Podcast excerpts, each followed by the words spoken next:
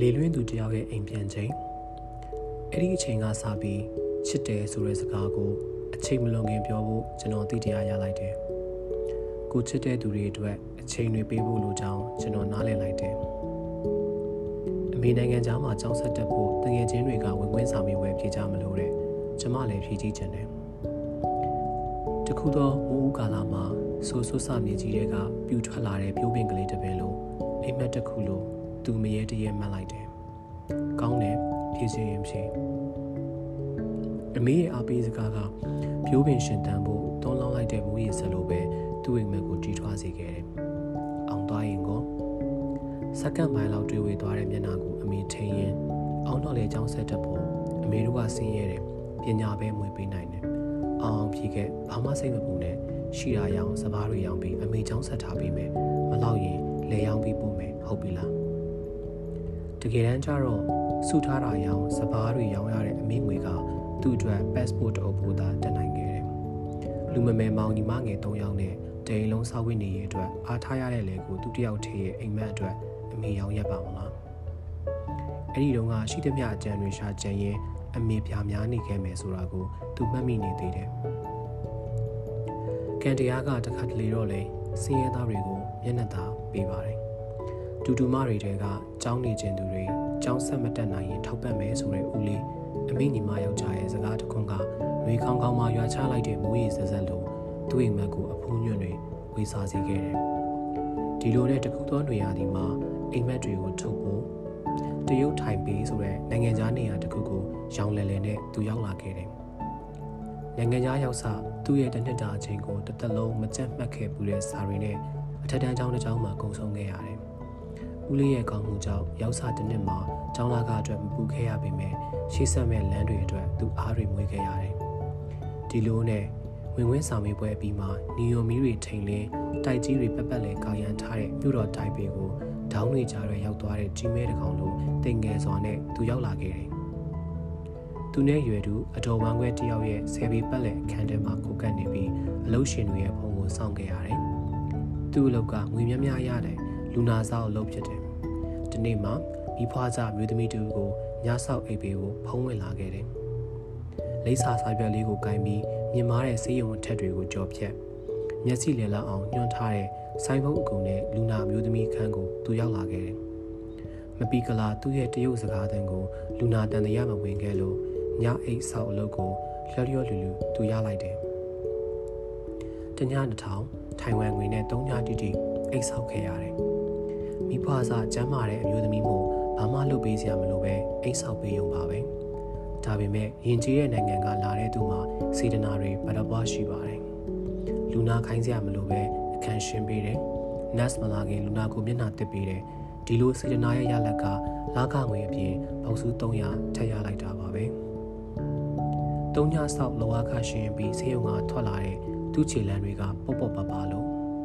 မနက်ခင်းရဲ့လက်ဆက်တဲ့လေးကိုအာဖတရရှူရင်သူ့ဘဝမှာပထမဆုံးကိုပိုင်လုံအားကားနဲ့ရဘူးတဲ့ဝင်ငွေ3300တိတိကိုချစ်ချစ်ပါအောင်စုပ်ကင်ထားလိုက်မိတယ်။ကိုပိုင်လုံအားကားနဲ့အမေကိုကြောချင်တဲ့စိတ်ကူးကိုနောက်နှစ်အတွက်ចောင်းလာကားဆိုတဲ့အတွေ့ကဖြတ်ဝင်သွားခဲ့တယ်။ဒါနဲ့ပဲလမ်းမေးမနက်စာဆိုင်မှာအီချာကွေးတစ်ချောင်းပဲနှုတ်ရည်တစ်ခွက်ကိုအတော်အတွက်သူဝယ်လာခဲ့တယ်။နောက်ရက်တွေမှာတော့နောက်အလုပ်အတွက်အခန်းချင်းတဲကနေ လွင့်ပြန်လာမဲ့ဖုန်းတန်ကိုသူစောင့်နေခဲ့ပြန်တယ်။ဘဝတစ်ခုရှင်သန်ဖို့ငွေရှိရင်ဖြစ်ပြီလားဆိုတဲ့အမေသူ့ကိုယ်သူမမေးမိခင်မှာနောက်ထပ်လူနာဆောက်ဖို့အတွက်ဆေးရုံတရုံကိုသူရောက်ခဲ့ပြန်တယ်။ဒီတစ်ခါဆောက်ရမယ့်လူနာကဝမ်းတွင်းယူယောဂါဆွဲခဲ့နေတဲ့ဆွေမရှိမျိုးမရှိအသက်80ကျော်အဖိုးအိုတူဖြစ်တယ်။အထက်ထက်ထုတ်ထားတဲ့လက်ကင်ဘဝအိုတဲကနေသူ့အတွက်လူနာဆောက်ကားကိုတုံရင်တဲ့လက်နဲ့အဖိုးအို ထုတ်ရှင်မှာဘဝတစ်ခုရှင်သန်ဖို့ငွေရှိုံနဲ့မလုံလောက်ပဲမေတ္တာတရားပါလို့ကြောင်းသိလိုက်ရတဲ့အချိန်မှာလူနာဆောင်လုပ်ကိုသူကြောခိုင်းခဲ့တယ်။အဲဒီနောက်တိုင်ပေမျိုးနဲ့မလန်မကန်မျိုးတစ်မျိုးကအတော်အိမ်မှာသူတောင်းတင်နေခဲ့တယ်။မိဘရင်းနဲ့မချသူ့ဘောအတော်သဘောကောင်းခဲ့ပေမဲ့ကြီးမြတ်တဲ့လူနေမှုစရိတ်ကြောင့်အတော်ကိုသူတာဝန်တွေမပိုစေချင်ခဲ့ဘူး။နောက်နှစ်အတွက်တောင်းလာကားဆိုတဲ့အတွေ့ကသူ့ကိုဖီစီနှိမ့်ဆက်ပြန်တယ်။ ဒီလိုနဲ့မျက်နှာသာပြီးနေစေကန်တရားရဲ့ကျေးဇူးကြောင့်အတော်အိမ်နဲ့မနီမဝေးကဓာတ်စီဆိုင်တစ်ဆိုင်မှာသူ့အလုပ်ရခဲ့ပြန်တယ်။တတိုင်ပေတွေရဲ့ပူပြင်း၆တွေ့နေတဲ့နေအောင်အောက်မှာကုန်ခန်းသွားတဲ့ဓာတ်စီကိုဖြစ်ဖို့လာသမျှကားတွေကို92လား95လားလို့စံအောင်မင်းရှေ့ဆက်လမ်းမဲ့ခြေလမ်းတွေအတွက်နန်းစော်နေတဲ့ဓာတ်စီနန်းတွေကြားမှာမူးလဲမသွားအောင်ကြိုးစားရင်းစိတ်ခွန်အားဓာတ်စီကိုသူဖြည့်ခဲ့တယ် တနအီ85ကျန်တဲ့ဓာတ်စီဆိုင်မှာလောက်ဝက်လောက်လုပ်ပြီးတွေးကြုံတဲ့တခုစမ်းသပ်ဖို့အတွက်ကန်ဒီယာကသူ့ကိုဖိတ်ခေါ်ခဲ့ပြန်တယ်သူနေတဲ့မြို့နဲ့တိတ်မဝေးတဲ့စက်မှုစုံမျိုးကကွန်ပျူတာစက်ရုံမှာလူလိုကြောင်းအလုပ်လုပ်ခွင့်ကပ်ပြားကိုယူပြီးအမြန်လာခဲ့ပါဆိုတဲ့အဲ့ဒီစက်ရုံမှာအလုပ်လုပ်တဲ့အတော်ရဲ့ဆင်းခေါ်မှုကြောင့်စက်ရုံမှာအလုပ်လုပ်ဖို့သူရောက်ခဲ့ပြန်တယ်တနအီ135ကျပ်ဆိုတဲ့မလောက်တဲ့ငွေကြေးနဲ့မနက်၈နာရီကည၈နာရီအထိတခါတလေအချိန်ကိုည7နာရီအထိအလုပ်မှာစား အတော်အိမ်မှာအိတ်တဲ့အလုပ်ကိုသူလုပ်ခဲ့တယ်ဒီနေ့တနေ့ကွန်ပျူတာပုံအတွက်ပါဝါတွေတက်လိုက်ဝက်အူတွေရှင်းလိုက်ပုံပြတ်တဲ့ဝက်ဥပါတဲ့ပုံတွေကိုရွေးထုတ်လိုက်မိလိုက်မလိုက်ကြိုးတွေကိုစမ်းသပ်ကြည့်လိုက်နဲ့ကွန်ပျူတာပစ္စည်းတစားစီတင်ပြီးလဲပတ်နေတဲ့အလုပ်လမ်းကြောင်းတိုင်းသူ့ရဲ့နေရာဒီကျောင်းပိတ်ရက်တစ်ခုလုံးကိုအိမ်နဲ့အလုံးအလုံးနဲ့အိမ်အဖြစ်သာလဲပတ်စေခဲ့တယ်။တတ်မှတ်ထားတဲ့ကွန်ပျူတာအလုံးအရေးအတွက်ပြည့်လို့လူတွေမလိုတော့ကြောင်းအလုပ်ရုံကကြီးညာချိန်မှာကျောင်းဖွင့်ဖို့တစ်ပတ်သာလိုပါတော့တယ်။ ဒီလိုနဲ့မြို့တော်တိုင်းပြည်ကိုလက်လက်ဆက်ဆက်ပထမနှစ်တက္ကသိုလ်ကျောင်းသူဖြစ်နေသူခြေချခဲ့တယ်။အစာကလေးကကိုဘဝအခြေအနေကိုသိလို့အလုရှာရလွယ်တဲ့မြို့လေကတက္ကသိုလ်ကိုသူရွေးခဲ့တယ်။သူကြိုက်တဲ့မိသားသူရွေးတဲ့တက္ကသိုလ်မှာသူအဝင်ခွင့်ကြဖြစ်ခဲ့ပါတယ်။ကျောင်းစာမဖွေးခင်ကတည်းကကျောင်းနဲ့မနီမဝေးဂျပန်စားသောက်ဆိုင်တစ်ခုမှာတငယ်ချင်းအကူအညီနဲ့ဇပွဲရိုးဆိုတဲ့အလုပ်ကိုသူရခဲ့တယ်။ ဇပွဲထိုးတာကလည်းအတက်ပညာတစ်ခုလိုအရင်ကမထင်ထားခဲ့တဲ့သူမှာအလုပ်ဆောင်ဝင်စာပကံဖန်ခွက်ပေါင်းစုံရောထည့်ထားတဲ့လင်မန်းကိုလက်တက်ဖက်နဲ့တရင်တရိုင်ကိုင်းရင်မလွတ်ကြအောင်ကြိုးစားခဲ့ရတယ်။တနေ့၈နာရီကျော်ရက်ရတဲ့တန်ကြောင့်တောင်တင်းနေတဲ့ခြေသလုံးကြောတွေကိုဖိနှိပ်ရင်အန်ချိတ်ခဲ့ရတဲ့ညတွေလည်းမနှဲခဲ့ဘူးအပြုံးမတက်လို့တတိမရဲ့အညူစုကိုခံရတာလည်းမနှဲခဲ့ပါဘူးအဆိုးဆုံးကဆိုင်မာလာစားတောက်သမျှဧည့်သည်တွေကိုအီရာရှာမဆန်ကျူဆိုပါအီလို့ အပြုံးမျက်နှာနဲ့အော်ခေါ်နှုတ်ဆက်ရမှာကိုသူအရန်ရှက်ခဲ့တယ်။ဘာကြောင့်မှမသိသူတစ်ပါးပစ္စည်းခူးတာလည်းမဟုတ်လူတွေကိုလိန်ညာနေရလည်းမဟုတ်ပါပဲနဲ့အဲ့ဒီကြိုးစိုးပါဤဆိုတဲ့စကားတခွန်းကိုသူ့နှုတ်ကမဟရဲခဲ့ဘူးတထေးမရဲ့တောက်ထောက်ကြည့်တဲ့မျက်လုံးတံကိုနှစ်ပတ်ကြော်ကြာသူခံလိုက်ရတယ်အဲ့ဒီနောက်မှာတော့လာသမျှဧည့်သည်တွေကိုကြိုးစိုးနှုတ်ဆက်တက်ယုံများမကဘဝမှာဖြစ်လာသမျှအကောင်းဆုံးအဆိုးတွေကိုလည်းအီလိုက်ဆာမဆန်းလို့ရင်ဖွင့်ကြိုးစိုးနိုင်ဖို့သူအောင်းမွေးခဲ့တယ် အပြုံးတုတွေကိုဆင်မြန်းရင်လီမန်ကိုလက်တစ်ဖက်ထဲနဲ့ပိုင်ပိုင်နိုင်နိုင်ပါလို့ဇပွဲတိုးထွဲတဲ့အတက်ပညာကိုကျောင်းပြီးတဲ့အထိသူသင်ယူခဲ့တယ်မပြေဆုံးတဲ့သူအတွက်နိုင်ငံခြားတက္ကသိုလ်ဆိုတာသူကြီးခဲ့မှုတဲ့ရုပ်ရှင်တွေကအကြောင်းသားတွေလိုအားကျစရာမကောင်းခဲ့ပါဘူး။ကျောင်းရှိမြတ်ခင်စိန်ဖက်လို့မကုန်တဲ့စာအုပ်တွေနဲ့စာကြည့်တိုင်းကျောင်းသားကျောင်းသူတွေအမြဲပြည့်နေနေတဲ့အာကစားကွင်းကသူနဲ့လာလာမျှမဆိုင်တယ်လို့အလုံးနဲ့ကျောင်းကျောင်းနဲ့အလုပ်ကိုကုလူရင်သူ့ရဲ့ပထမနှစ်ဝက်စာတင်နှစ်ကို ဂုံဆုံးစေခဲ့တယ်။ဒုတိယနှစ်ဝက်မှာတော့ကျောင်းအမရဲ့ကူညီမိတ်ဆက်ပေးမှုကြောင့်အင်တာနက်ဆိုတဲ့ယောဂပိုစံတစ်မျိုးကသူ့ကိုယ်ရဲ့ကိုထိုးပေါက်ဝင်ရောက်လာခဲ့တယ်။အဲ့ဒီပိုစံကြောင့်သူ့အားလက်ချိန်တော်တော်များများကအဲကွန်ပျူတာအခန်းထဲမှာပဲပျောက်ဆုံးခဲ့ရတယ်။ဒါနဲ့တင်အားမရဘူးကွန်ပျူတာတစ်လုံးကိုသူပိုင်ဆိုင်ချင်လာမိတယ်။လူရသည်ကြောင့်ပေးရမှာအမိရင်ဝင်တဲ့ခိုဝင်နာကြမဲ့တငယ်ချင်းတွေရဲ့အိမ်ပြန်ခီးမှာကွန်ပျူတာတစ်လုံးလိုချင်တဲ့စိတ်ကြောင့်သူမပါဝင်ခဲ့ဘူး။ ကွန်ပျူတာတစ်လုံးရဖို့အတွက်ဂျပန်စားသောက်ဆိုင်မှာညနေစပွဲတို့အလုံးပြင်း24နာရီဖွင့်တဲ့စားသောက်ဆိုင်တစ်ခုမှာညပိုင်းလုပ်ကိုသူဝင်လုပ်ခဲ့ပြန်တယ်။သူ့ကိုလွမ်းနေမဲ့အမေကိုကွန်ပျူတာတစ်လုံးလိုချင်လို့နောက်နှစ်မှကျမပြန်ခဲ့မယ်လို့နှစ်သိမ့်လိုက်တယ်။ဒုတိယနေ့ရဲ့အကြောင်းဖွင့်ရက်ကိုကွန်ပျူတာအသစ်တစ်လုံးနဲ့သူကြိုဆိုနိုင်ခဲ့ပါတယ်။တခုခုကိုလိုချင်ရင်တခုခုဆုံးရှုံးရမယ်ဆိုတဲ့စကားအတိုင်းလိုချင်တဲ့ပစ္စည်းကလေးတစ်ခုရခဲ့လို့တန်ဖိုးကြီးမားတဲ့အရာတစ်ခုသူ့ဘဝတည်းကအပီးပိုင်း ဆုံးရှုံးသွားရမယ်လို့သူဘယ်တော့မှမျှော်လင့်မထားခဲ့ဘူး။ဒါပေမဲ့ဖိတ်ခေါ်မထားတဲ့အဲဆိုးဂျမားကသူ့ဘဝတည်းဝင်ရောက်လာခဲ့တယ်။အမေနေမကောင်းလို့ဆေးရုံတင်ထားရတယ်ဆိုတဲ့အမရဲ့ဖုန်းတန်ကမမောပမန်းနဲ့ညနေအလောက်ကပြန်လာတဲ့သူ့ယုံဝါကိုအရှိန်ပြင်းတဲ့မြားတဲ့စင်းနဲ့ထိုးနှက်လိုက်တယ်လို့ပါပဲ။မျော်လင့်မထားရတဲ့နေ့ရက်မှာသူ့စီဆော့ဆော့စီစီရောက်လာခဲ့ပါတယ်။ဖုန်းတစ်ဖက်ကအားဖြော့နေတဲ့အမေအတန်ကြောင့်သူချုံမွဲချငုံမိတယ်။ငိုနဲ့ ဘယ်တော့မှမငုံနေတဲ့ချီချီနဲ့နဲ့အမေတန်ကိုသူအားမရခဲ့ဘူးဖြစ်နိုင်ရင်အမေဘေးနာသူချက်ချင်းပြန်သွားခြင်းနေလင်းရလက်မှတ်စောင့်နေတဲ့အချိန်တွင်မှပဲအမေနဲ့ဖုံးပြောရဖို့သူစူးစမ်းခဲ့တယ်အမေနဲ့ပြောပေးပါလို့အမကိုသူတောင်းပန်တယ်ထက်တလဲလဲတောင်းပန်တယ်နှာခေါင်းပိုက်တွေနဲ့အမေမေမျောနေပြီဆိုတာကိုသူမသိခဲ့ဘူးသူ့အတွက်အားပေးစကားတွေအမေချမ်းမထားရနိုင်ခဲ့ဘူးပစ္စည်းဥစ္စာတစ်ခုမှမောမှုကြောင့်အိမ်မပြန်ဖြစ်ခဲ့တဲ့သမီးမိုက်ကို အမေဘယ်တော့မှလွမ်းမနေနိုင်ခဲ့တော့ဘူး1999ခုနှစ်စက်တင်ဘာလမှာဘဝတစ်ခုလုံးဝနေဝင်သွားခဲ့ရတယ်ဒါကပဲဘဝပဲလားအစားထိုးမရနိုင်တဲ့ဆုံးရှုံးတစ်ခုမှာသူအလူအလိတ်ခံစားခဲ့ရတယ်အထီးတန်ကြောက်ပဲဒုတိယနှစ်ဝက်မှာကြာဆုံးခြင်းများစွာနဲ့သူရင်ဆိုင်ခဲ့ရတယ်လန်တဝက်လဲချနေတဲ့သူမှာပြန်ယုံထားဖို့အင်အားတွေမဲ့နေခဲ့တယ်တဝက်တစ်ပြက်နဲ့နောက်ပြန်လှည့်ရမလားအမိပြောသလိုလူရဝင်အောင်ပညာဆက်သွယ်ရမလားဘ ဝတစ်ခုကညှဉ်းနှက်လွန်ခဲ့တယ်လူတွေရှိမှရင်တဲတိတ်ငုံခဲ့ရတဲ့ရက်တွေမနှဲဘူးလူတွေမသိအောင်ငိုခဲရတဲ့ညတွေကလည်းမရေမတွက်နိုင်အောင်ပါပဲလဲနေရကနေလှဲနေလိုက်ဖို့သူအားလျှော်လိုက်တိုင်း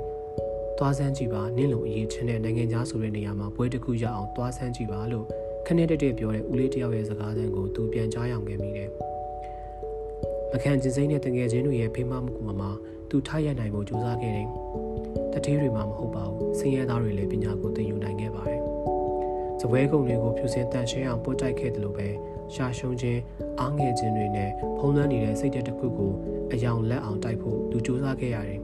။ပြေးရီသွားတဲ့လက်နီးတွေမရေတွက်မိခင်မှာထိုင်ပေတက္ကသိုလ်ကနေ Bachelor of Arts ဘွဲ့တစ်ခုကိုသူရခဲ့တယ်။ပွင့်နှင်းသပင်ကိုအမေနဲ့အတူတက်မယ်လို့ရည်ရွယ်ခဲ့တဲ့သူ့စိတ်ကူတွေမဖြစ်မြောက်ခဲ့ရပေမဲ့သူမျက်ရည်မကျခဲ့တော့ပါဘူး။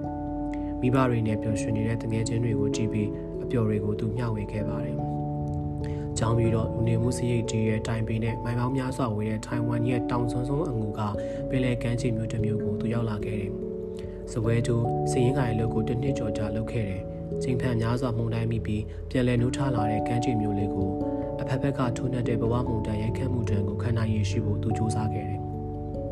အဲဒီနောက်အမေပြောတဲ့ပညာတတ်ကြီးဖြစ်အောင်အင်္ဂလန်ဆိုတဲ့တိုင်းပြည်ကိုသူလေလွင့်ရောက်လာခဲ့တယ်။တကယ်တော့ပညာတတ်ကြီးဖြစ်ဖို့အတွက်မဟုတ်ပဲအမေမရှိတော့တဲ့နေအိမ်ကိုမပြန်ရဲခဲ့တဲ့သမီးမရဲ့စင်ကြေသားဖြစ်တယ်။အင်္ဂလန်လို့ခေါ်တဲ့အစားအစာရရတိုးတက်ကြီးမြင့်တဲ့နိုင်ငံမှာအသက်တစ်ခုရှင်သန်မှုဘဝမျိုးစုံသူကျင်လည်ခဲ့တယ်။ထမင်းအော်ရောင်းတယ်ဟမ်ဘာဂါလုပ်တယ်စည်ရင်လုပ်တယ်စည်ရေးလုပ်တယ် price controller အဖြစ်နဲ့ရောက်လျာအရက်မှာရွက်ကြပင်ပေါက်တပင်လို့ရှင်သန်နိုင်ဖို့သူစူးစမ်းခဲ့တယ်။ ဆက်တဲ့နှစ်တိုင်ခဲ့ပါပြီ။ထုံကျင်နေတဲ့နှလုံးသားမှာနာကျင်ခြင်းနဲ့နှောင်တတွေထုတ်ပိုးပြီးသူလေလွင့်နေခဲ့တာ17နှစ်တိုင်ခဲ့ပါပြီ။အမေပြောတဲ့ပညာတတ်ကြီးတယောက်သူမဖြစ်ခဲ့ပေမဲ့ဘဝပေါင်းစုံကိုသူခန်းစားတတ်ခဲ့တယ်။သူ့လိုလဲကြတဲ့သူတွေထားရက်နိုင်ဖို့အားပေးတတ်ခဲ့တယ်။ဘဝတူတွေကိုစာနာနားလည်တတ်ခဲ့တယ်။ရှိဆက်ရမယ့်လမ်းတွေဘလောက်ပဲကျန်းတမ်းပါစေ။အပေါင်းစုံကထိုးနှက်လာတဲ့ရိုက်ခတ်မှုတွေဘလောက်ပဲခါသီးပါစေအပြုံးနဲ့သူရင်ဆိုင်တတ်ခဲ့တယ်။ ဒါကပဲအမေဖြစ်စေခြင်းနဲ့ပညာတတ်လားလို့အခါခါသူတွေးခဲ့မိတယ်ပညာဆုံးရင်ပြန်ခဲ့အမေတကားဖွင့်ပြီးဂျုံနေမယ်ဆိုတော့အမေမရှိတော့ပေမဲ့အမေဆုံးပြီးကလေးကဖယိုဖယဲဖြစ်ခဲ့တဲ့နေအိမ်တစ်ခုအတွက်ပြန်မှုသူဆုံးဖြတ်လိုက်တယ်အတော်အိမ်မှာကိုကတ်နားနေတဲ့တကွဲတပြားမောင်ညီမတွေအတွက်သူပြန်ခဲ့ပါတယ်အောင်မြင်မှုတွေပွေးပိုက်ပြီးပြန်ခဲ့သူမဟုတ်ပေမဲ့ကကြမာစိုးတွေကိုရင်ဆိုင်ရဲသူအဖြစ်ဘဝသင်ခန်းစာတပွေးတစ်ပိုက်နဲ့ လေလွင်းသူတယောက်အိမ်ကိုပြန်ခဲ့ပါပြီ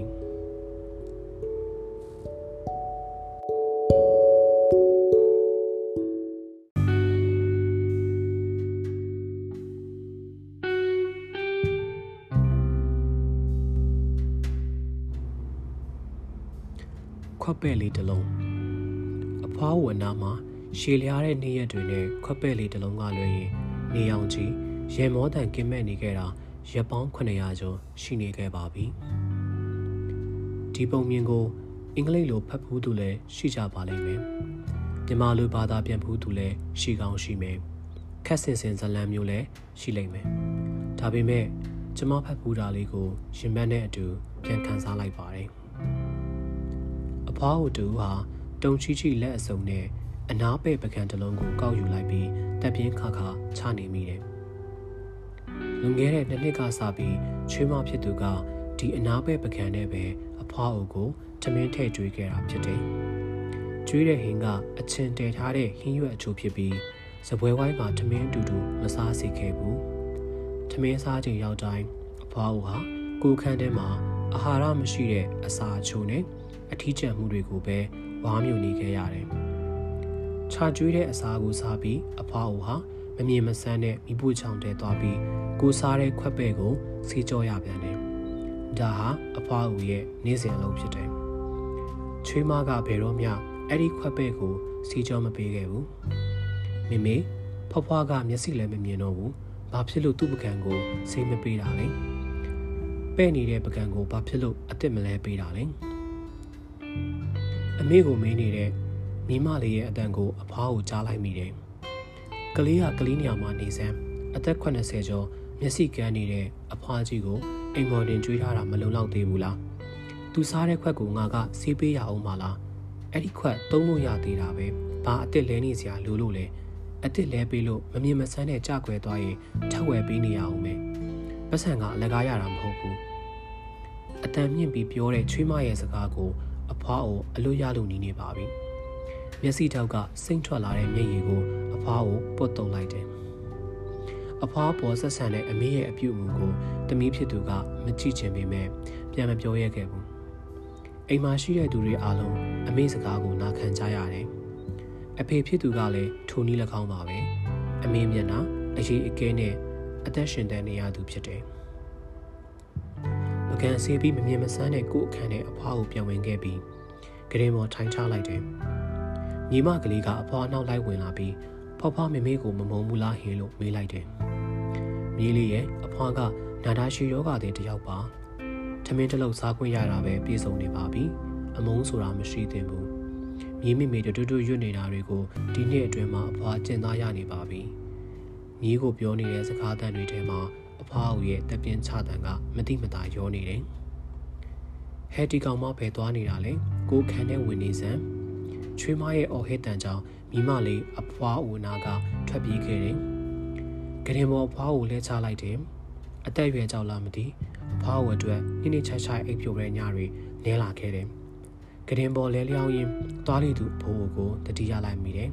။အဖိုးကကမ်ပဏီတစ်ခုရဲ့ပိုင်ရှင်ဖြစ်တယ်။သားကအဲဒီကမ်ပဏီမှာမန်နေဂျာဖြစ်ပြီးချွေးမကစည်ရင်ခိုင်ဖြစ်တယ်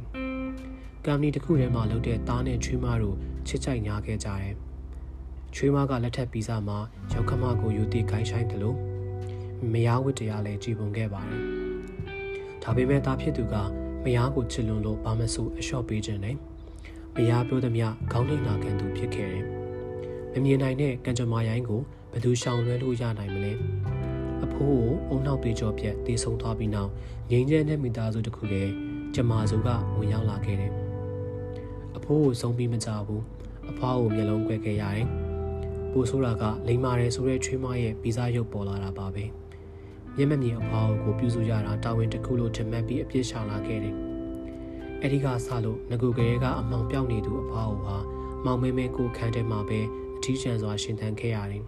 ။အဖွားကိုအနာမှာရှည်လျားတဲ့နေရက်တွေနဲ့ခွက်ပဲ့လေးတစ်လုံးကလွှဲရင်နေအောင်ကြီးရေမောတန်ကင်းမဲ့နေခဲ့တာရက်ပေါင်း900ကျော်ရှိနေခဲ့ပါပြီ။ နေမှာကျင်းပမဲ့ညစာစားပွဲအတွက်တားနဲ့ချွေမအလုပ်များနေခဲ့ကြတယ်။ဧည့်သည်တွေမလာခင်မှာကျွေးမကသားကိုခဏနေဧည့်သည်လာရင်အပြင်မထွက်ခဲ့ပါနဲ့လို့ရှင်းဝေကိုမှားထားအောင်ဒီနေ့လာမဲ့ဧည့်သည်တွေကလူကြီးလူကောင်းတွေမြက်ကန်းဖွားသည့်ကြောင့်ကျမအဆက်မကွဲစေနဲ့ရှင်းနာမည်မပြတ်စေနဲ့တော့လို့မှာတယ်မယားစကားနားထောင်သူသားမှဘာမှစောတကားမတက်ခဲ့ရဘူးဧည့်သည်တွေကိုမမြတ်မချင်းအစာအိမ်ဟောင်းလောင်းတဲ့အခန်းထဲမှာပဲအဖွားအိုအောင်နေခဲ့ရတယ် အားလုံးပြီးစီမှထမင်းချက်ဟင်းချန်ထည့်ရတဲ့ခွက်ပဲနဲ့အမေခန်းထဲတားဝင်လာခဲ့တယ်ခုတလောမြို့မှာကြောင်းတက်နေတဲ့တားကြီးကြောင်းပိတ်လို့အိမ်ပြန်ရောက်လာခဲ့တယ်။တားကိုချစ်တဲ့အမေတို့ရဲ့ထုံးစံအတိုင်းတားအတွက်အသားငါးဟင်းမျိုးစုံကိုကိုယ်တိုင်ချက်ကျွေးတော့တယ်။ရပြီးမိမိရဲ့တားဒီလောက်မစားနိုင်ဘူး။တားပကံတဲ့ဟင်းတွေထည့်ပေးနေတဲ့အမေကိုတားကလေးတန်းနဲ့မိမိဖွားဖွားကိုလည်းတားတို့နဲ့အတူတူစားခိုင်းပါလား။တားတို့မိသားစုလက်ဆောင်စားကြအောင်လေးလို့တောင်းဆိုလိုက်တယ်။ သူကကန်းနေပြီးအပြင်ထွက်စားဖို့အဆင်မပြေဘူး။ဘယ်နာစားစားအတူတူပဲလေတာအခန်းထဲမှာစားတာသူကျင်သားရနေပါပြီ